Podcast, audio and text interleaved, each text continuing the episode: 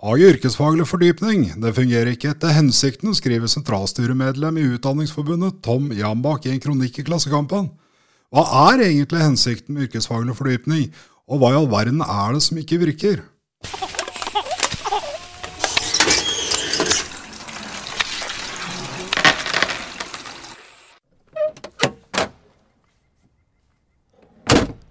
Velkommen til Yrkesfagpodden, en podkast fra Kompetansesenter for yrkesfag ved Oslo OsloMet. Mitt navn det er Anders Grydland, og i dag så har jeg med meg kronikkforfatter og til sentralstyremedlem i Utdanningsforbundet Tom Jabak. Men jeg har også med meg Linda Henriksen. Velkommen, Linda. Takk for det.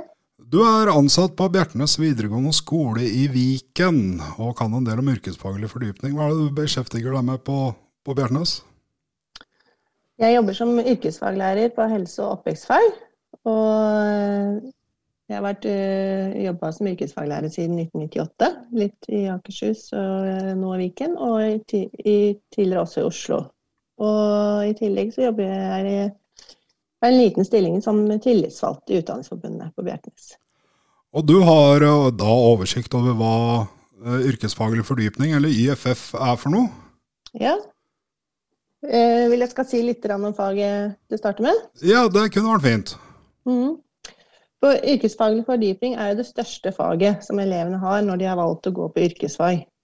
Og på VG1 så er det 168 timer i uka, og på VG2 så er det 253. I si, året, kanskje? I året, ja. ja. Mm, årstimer. Så i uka så er det da eh, vi, har jo ofte 45-minutterstimer, da, så hvis man har det, så er det seks timer i uka på VG1, og så er det faktisk ni timer i uka på VG2. Eh, og målet med det faget her er jo å introdusere elevene for arbeidslivet. Så at de kan være ute og oppleve realistiske arbeidssituasjoner.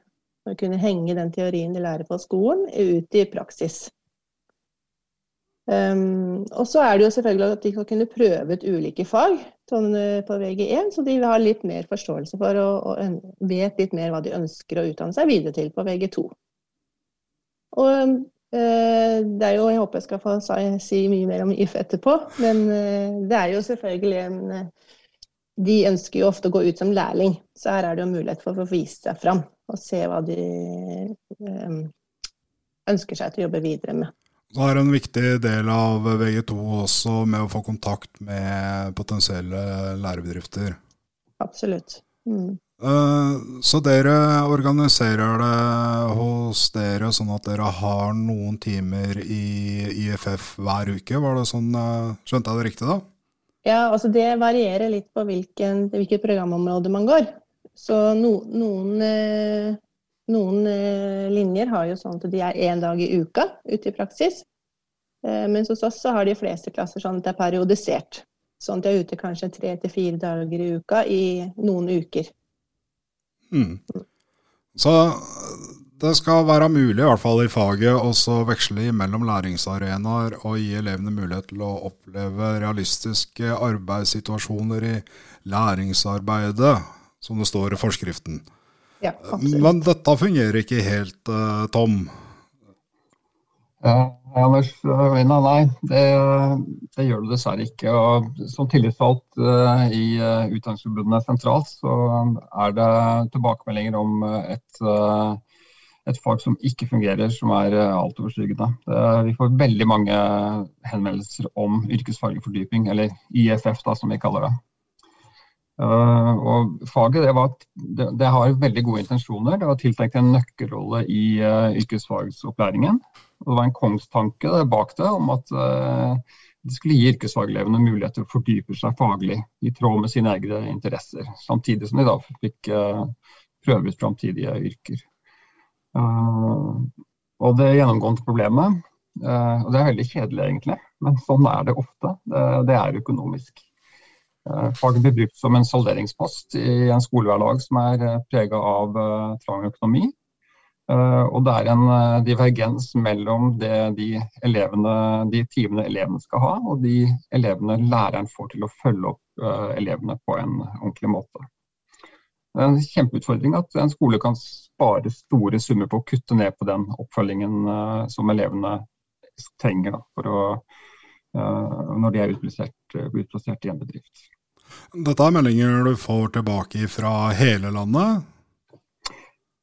Det varierer fra skole til skole. Eh, men som sagt så er det, det, er jo, det, er det faget vi får mest henvendelser om. Eh, men det er helt klart at, eh, at det er noen skoler dette fungerer godt på. Og da er det ofte slik også at, at lærerne får de timene til i faget som de trenger for å følge elevene godt opp.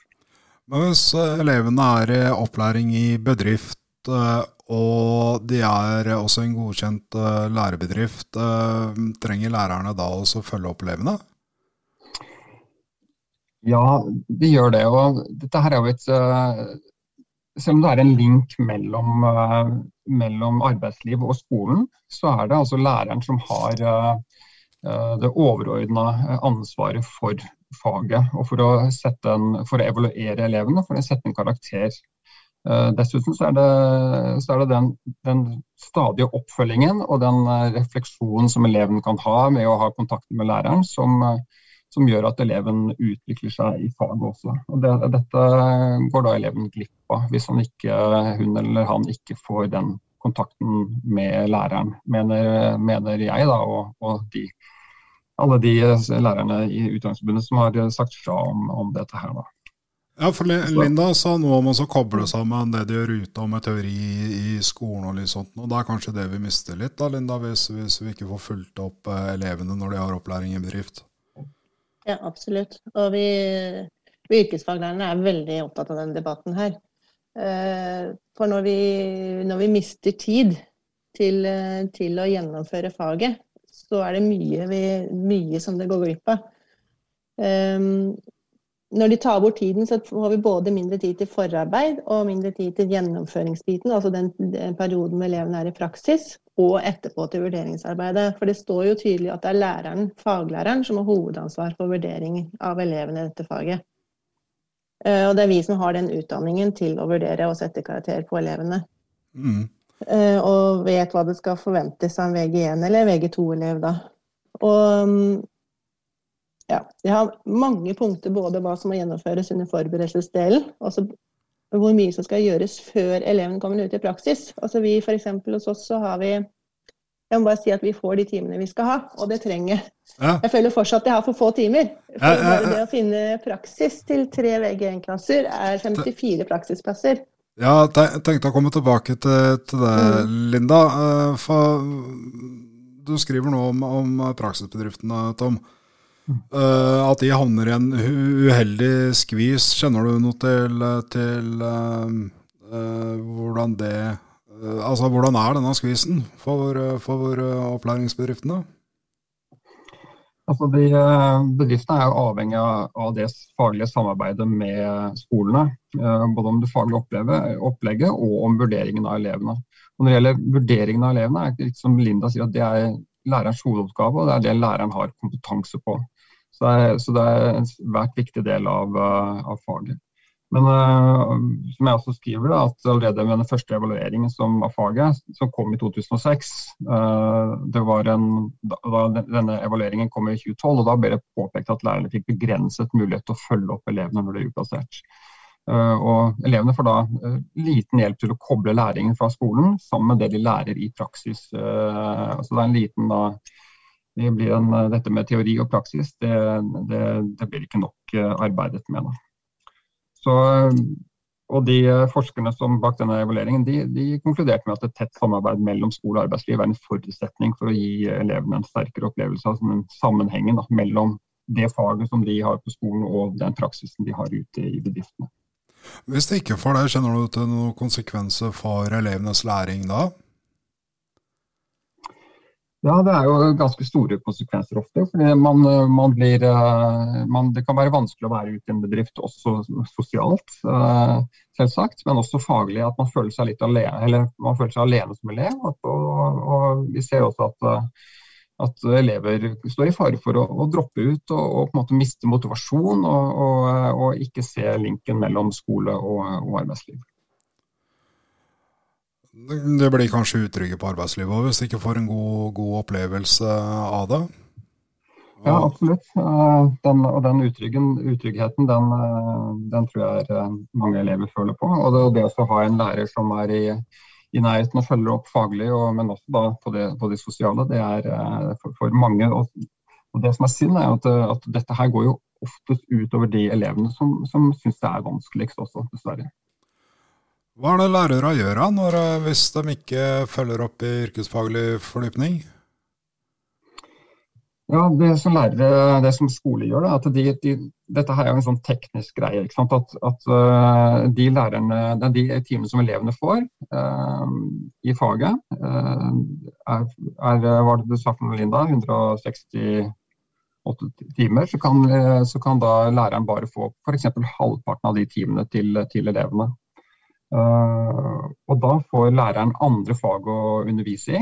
Eh, som den læreren da må forberede undervisning, undervise og evaluere i andre klasser. Da. Mens da eh, disse elevene som eh, de har i yrkesfaglig fordypning, da ikke får den samme oppfølgingen. Så er det jo en del områder i Norge, de fleste områdene i Norge kanskje, har litt reiseavstand altså imellom, imellom bedrifter og sånt. For det er vel ikke sånn at elever, alle elever samles til opplæring i én virksomhet? Nei, det er jo de er ofte spredt. og det, det, det, er selvsagt at det er en, også en utfordring at lærere får ofte reisetid. Uh, og blir ikke da kompensert for den reisetiden heller, da, uh, muligens. da. Men uh, hvis jeg bare kommer inn på dette her med det, det lovfesta minstetimetallet, da, som vi kaller det i faget, da er det også et spørsmål hvem som har ansvar for de, disse timene som læreren ikke har fått. Og Hvis ingen andre har fått ansvar for de timene, så mener jo vi i Utdanningsforbundet at det er et brudd på opplæringsloven med forskrifter. Så, så, skolen kan ikke overføre hovedansvaret for opplæringstimene til lærebedriften, noe som ofte skjer i dag. Ja, det, det er ganske alvorlig. Hvor er det det ligger hen som gjør at det blir en sånn organisering rundt et så stort fag? Som, som, som, dessverre så har vi sett altså Skolen har utvikla seg i en på en, på, en, på en, god måte i mange år, for så vidt. Men i altfor stor grad så ser vi at, at politikere og andre som, som skal organisere fagene og undervisningen, de har veldig store forventninger til hva skolene kan få til. Uh, mens eh, det økonomiske ikke følger med. Så når det er en sånn, blir et spørsmål om forskriftene, det blir et spørsmål om, eh, om hva, hvordan faget skal organiseres, så, så, eh, så, er det lett for fylkeskommunen å kutte i der det gjør aller vondest. Og det er jo kjent at, eh, at det er lærere i, når det gjelder budsjettene til, til de videregående skolene i fylkeskommunene, så er det læreren som er den aller største utgiftsposten. Og hvis man kan kutte i antall lærere, så sparer man ofte mye penger. Ja, det høres jo eh, ikke så bra ut. Um, man er jo opptatt av, av, lærere og at de skal holde seg faglig oppdatert og sånt. Du, du, du svinser litt innom det i kronikken din at når yrkesfaglærere ikke har kontakt med arbeidslivet, så, så, får de heller ikke holdt seg oppdatert på utviklinga.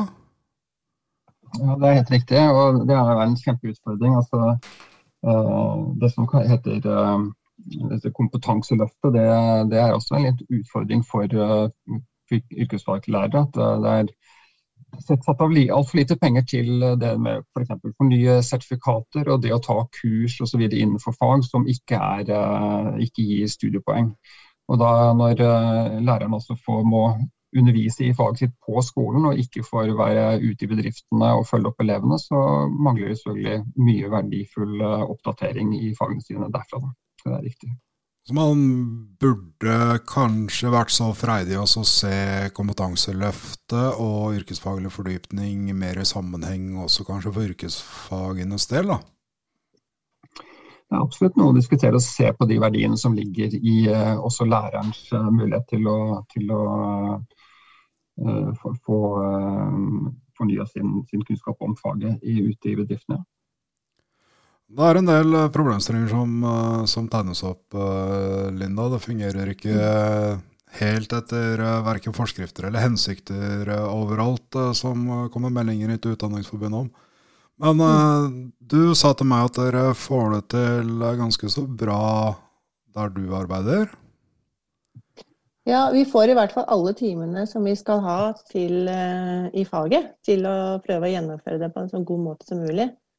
Og det var litt det som jeg innleda med i stad, og det ser vi at vi trenger også. Fordi det er ganske mye både forarbeid, og vi ønsker jo litt som det du var inne på, at må vi, må vi egentlig besøke elevene ute i bedriften, eller følge opp elevene så mye der?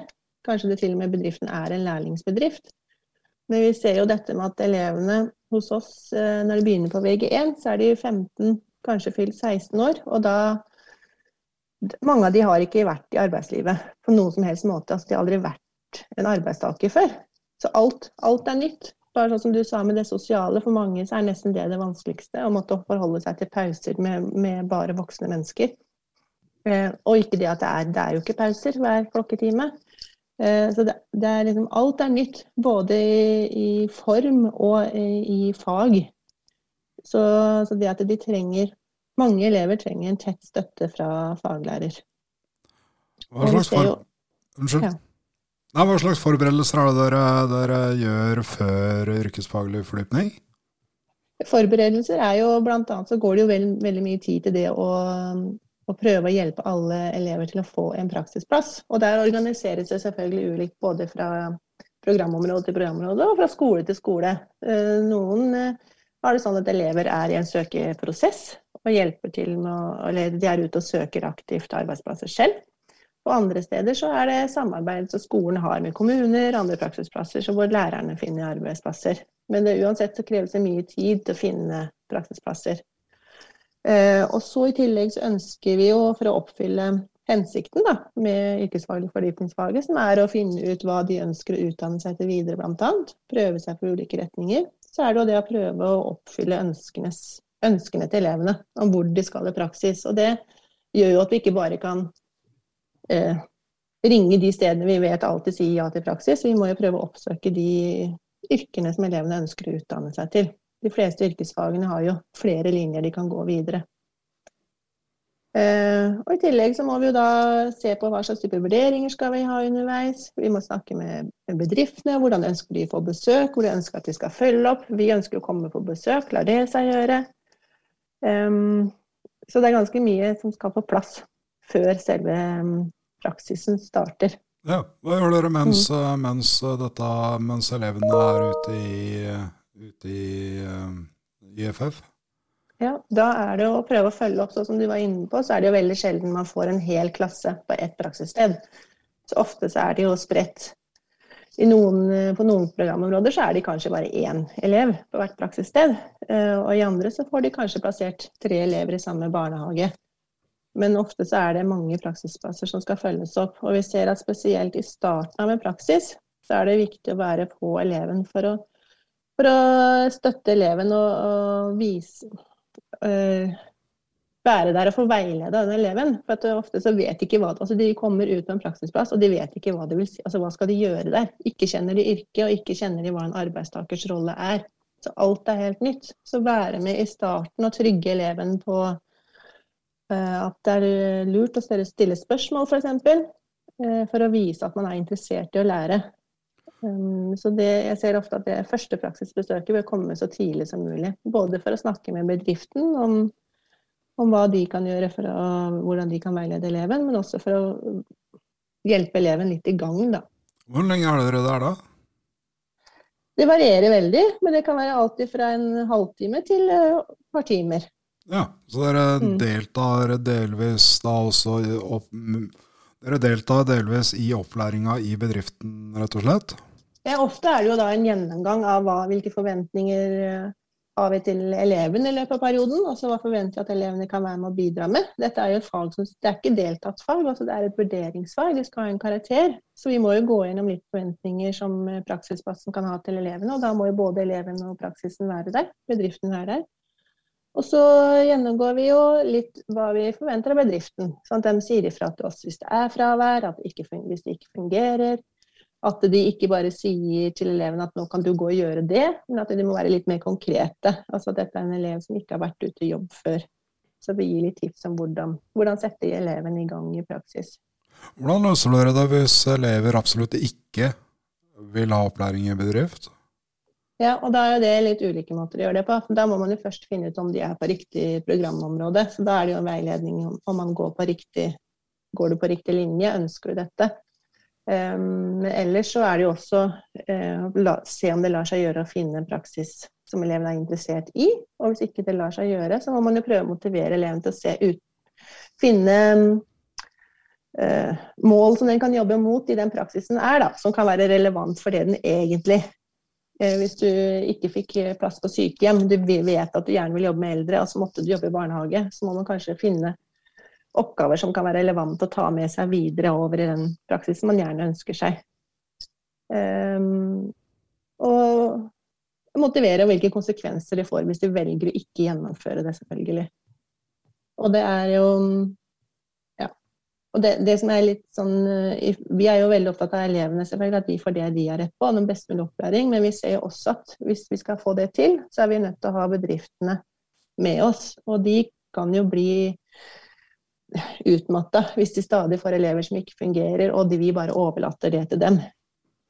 At de står der med en elev som du sier som ikke er motivert eller engasjert, ikke ønsker å være der. Og så, så blir de stående med det uten at skolen kommer inn og støtter. Eller eventuelt tar eleven ut fra den praksisplassen. Ja, Hvis de tar det ut, da er det tilbud til det på skolen, da, eller? Ja, altså da, eh, da er det ulike måter å løse det på. Eh, noen ganger så får altså, Vi sier jo ikke at eleven får sparken, vi sier at du kan ikke være på denne arbeidsplassen nå, for du utfører ikke de arbeidsoppgavene man har. Da kan du ikke være på denne praksisplassen. Og så må man se på skal man da finne en ny praksisplass. Eh, er det så store utfordringer som gjør at denne eleven ikke kan være i praksis, så har den jo fortsatt krav på undervisning. Så da må man jo legge til rette for en annen type praksis, kanskje inne på skolen. Og da skal man både følge opp elever som er inne på skolen, og ute i bedrift. Så Og det skjer jo, at man har elever på flere læringsarenaer samtidig. Kjenner du noe til det, Tom? Eh, med at, eh, for det høres jo ut som at det kan være en, en, løsning hvis man ikke får timer til å følge opp elever i bedrift, at man heller etablerer yrkesfaglig fordypning som et tilbud inne på egen skole?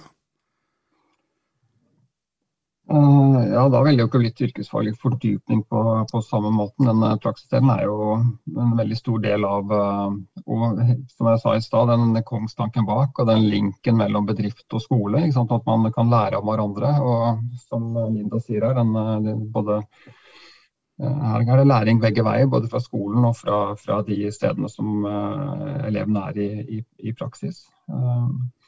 Men det, det, er veldig interessant å høre hva Linda sier her. For eh, opplæringsloven og forskriftene gir jo tydelige føringer om hva en opplæringsaktivitet er. Da, eller hva som kan inngå i en opplæringsaktivitet.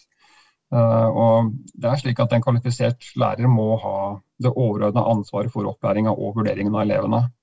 Og Elevene har også rett på underveisvurdering som en integrert del av opplæringen. Og Eh, og den kompetansen som de viser når de er ute eh, i eh, yrket, den skal kunne trekkes inn i standpunktvurderingen av faget. Og det er klart at det, nå, nå, forteller jo Linda at de får alle timene de skal ha i, i, faget, og likevel så er det såpass store utfordringer med å både rekke over alle elevene som er ute i bedrift og følge dem opp, og ha samarbeid med bedriften.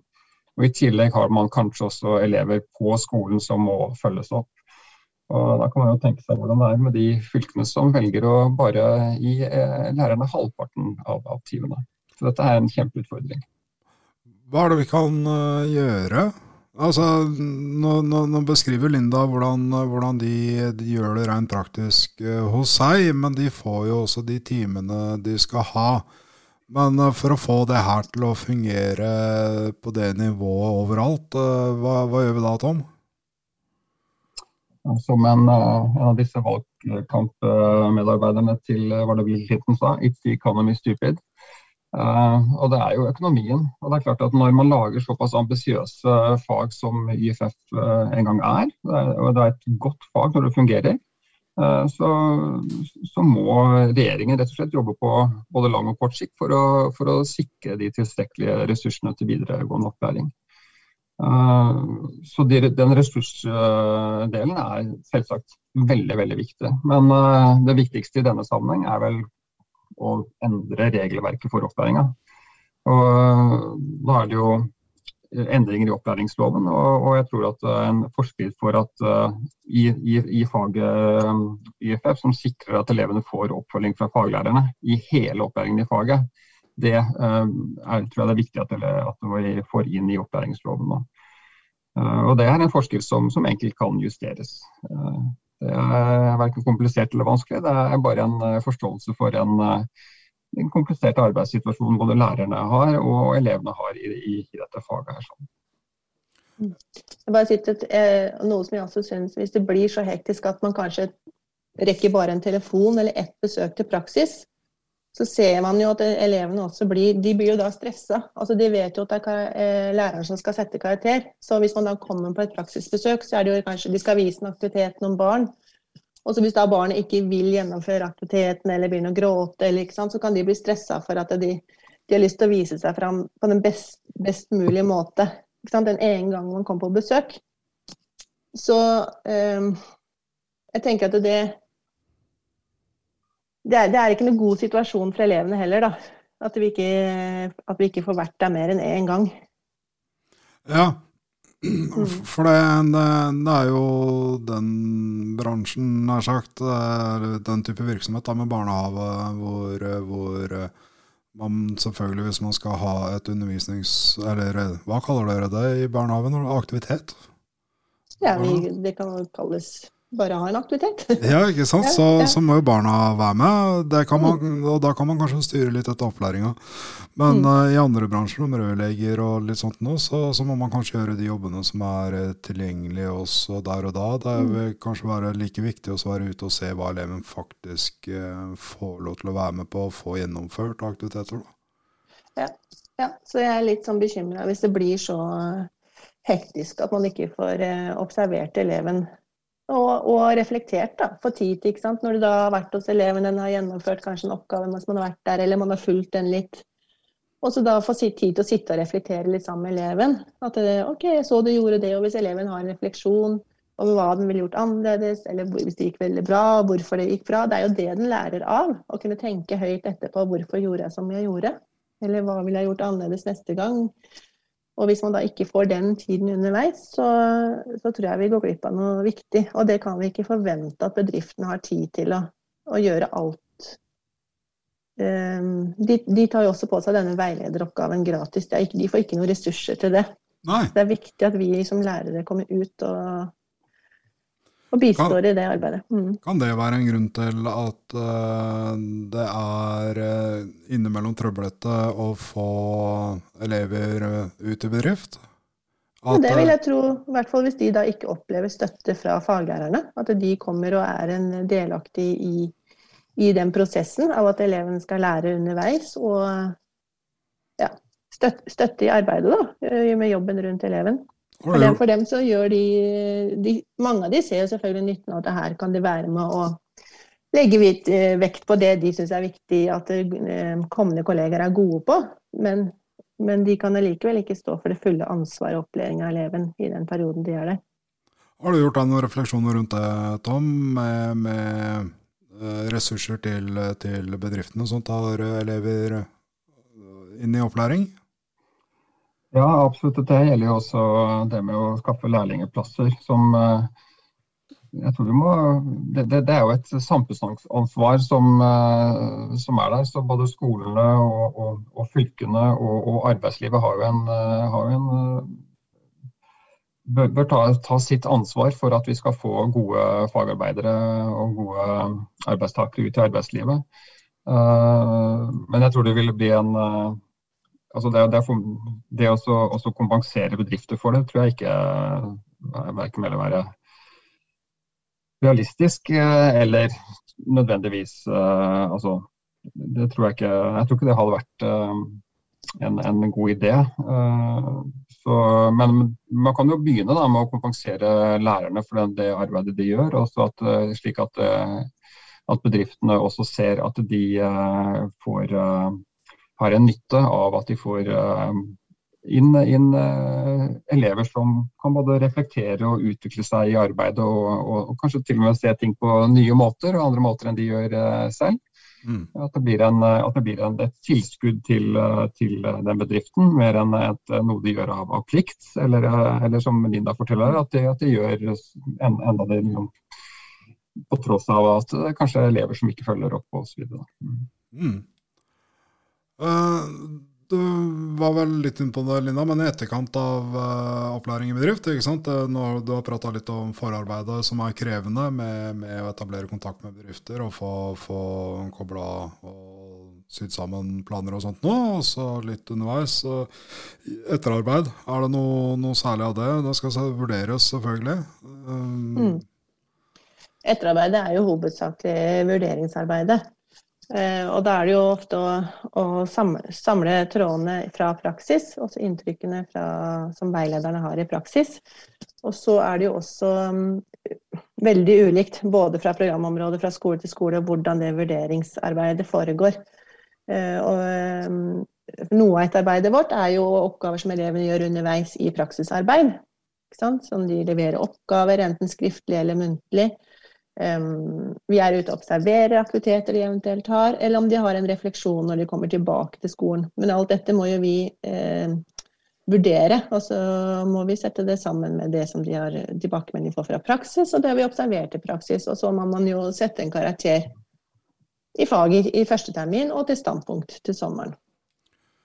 Og da er det jo eh, eh, jeg vil jo tenke at det er mange fortvila lærere hvis de har fått sett de ut i praksis. For det er jo det, er jo det som skal eh, evaluere. Vi skal jo ikke gi det, men så når alle elevene kommer inn på skolen, så skal de sitte og gjennomføre en skriftlig prøve på pulten sin. Altså, de må jo få lov til å få vist de eh, gjennom det praktiske de gjør. Da.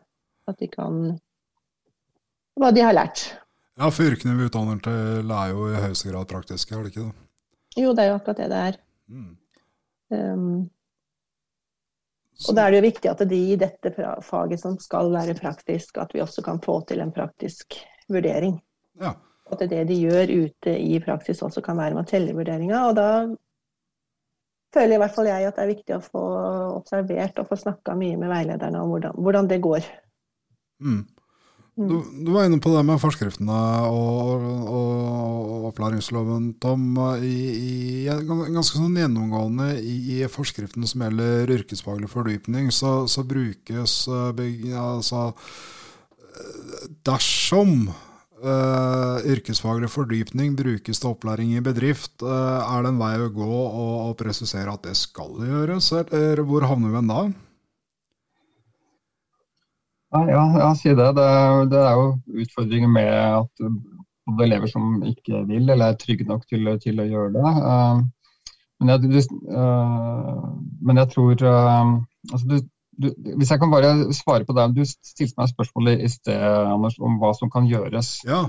og det er jo slik at, eh, at eh, Utgangspunktet eh, for de fleste henvendelser vi får om yrkesfaglig fordypning, er jo det at det er et stort arbeid, som Linda beskriver, men også det at man blir kutta i timer. Altså man ikke får nok timer til å gjøre, gjøre arbeidet. Og at vi mener at det, et, at det vil være et bud på opplæringsloven med forskrifter. Da.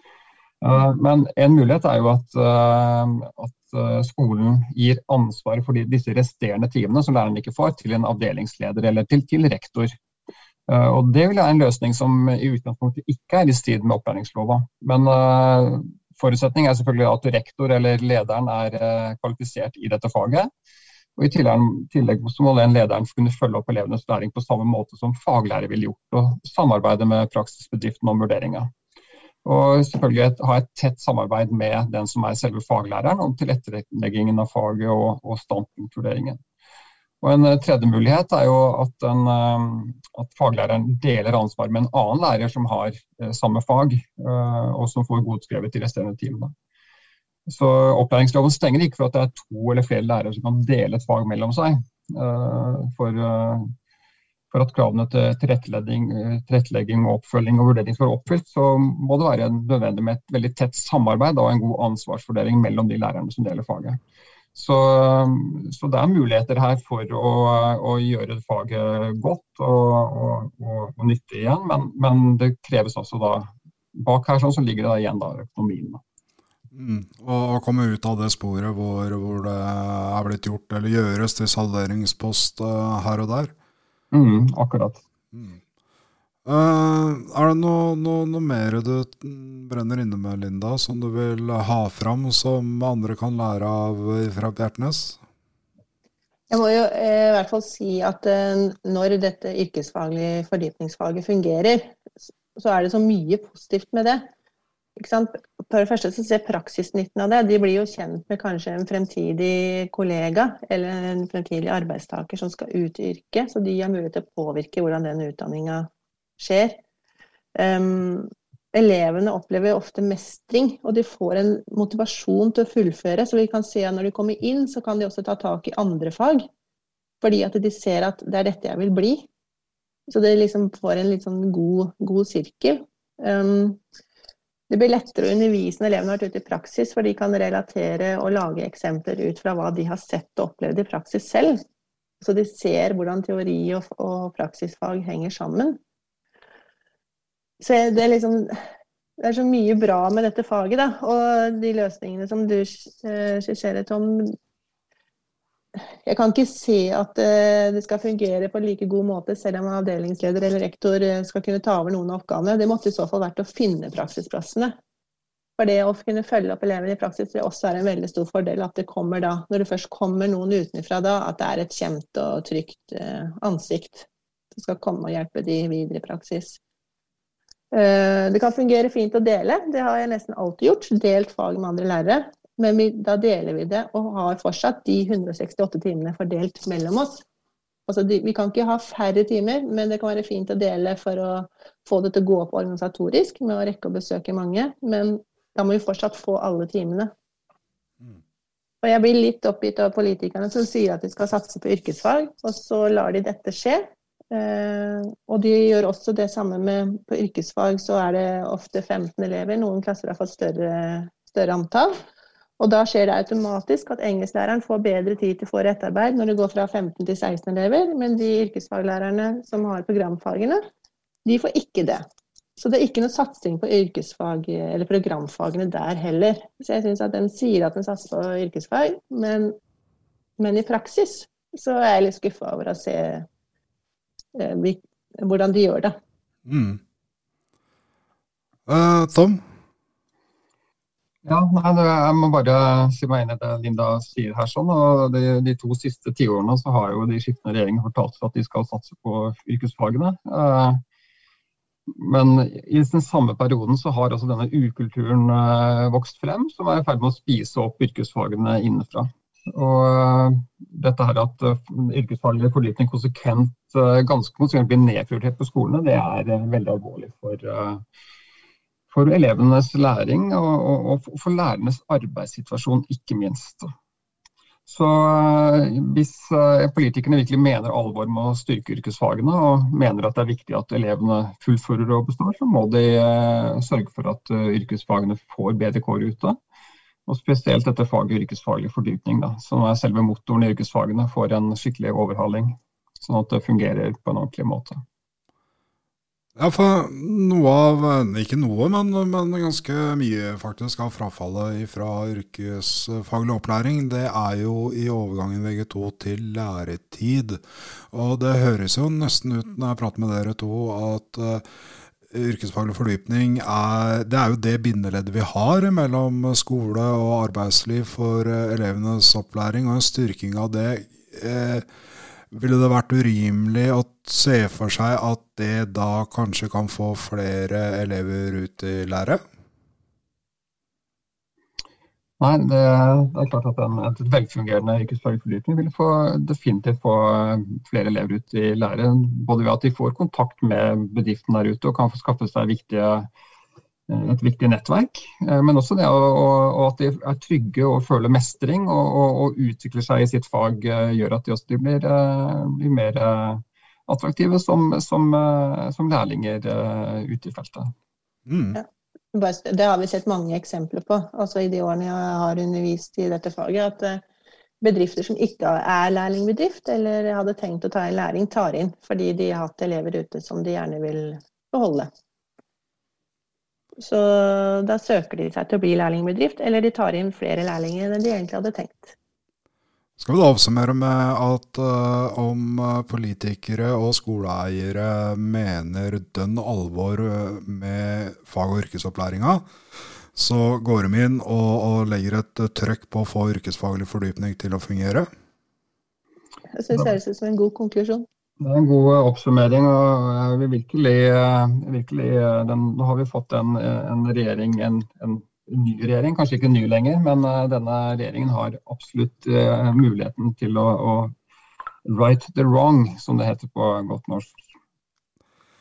Da takker jeg så mye for at du kom, Tom Jambak, sentralstyremedlem i Utdanningsforbundet, og til deg, Linda Henriksen, som uh, jobber som yrkesfaglærer på Bjertnæs videregående skole i Viken. Vi legger ut uh, lenker til uh, Tom sin kronikk i episodebeskrivelsen, eller andre ting som dreier seg om denne episoden. Mitt navn det var Anders Grydland. Takk for at dere hørte på.